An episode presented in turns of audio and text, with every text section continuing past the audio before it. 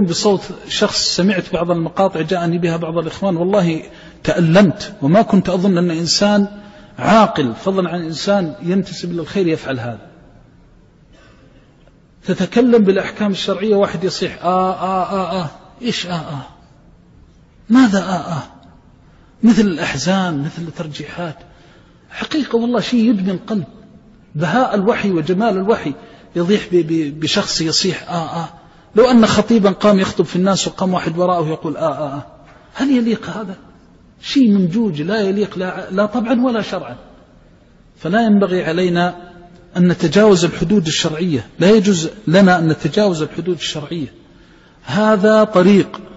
سلكه النبي صلى الله عليه وسلم. وسلكه الخلفاء الراشدون من بعده.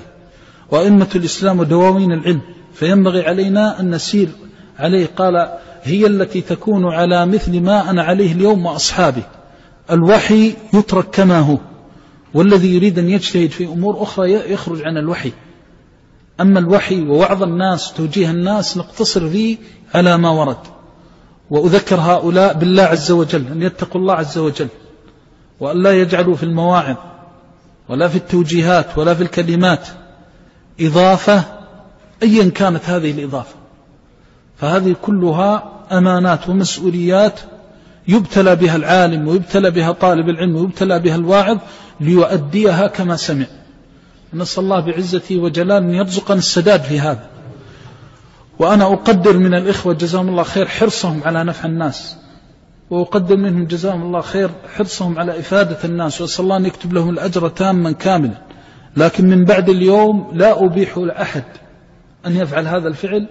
في المقاطع التي يذكرها.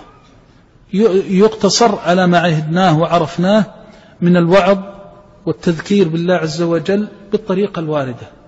وأما الصياح واللغط والأناشيد وآلات العزل والدفوف وما يجارى مجارة الدفوف والإيقاعات هذه كلها من المحدثات التي أغنى الله بها الحق وأهله. ميزة الحق أنه يستمد قوته من ذاته.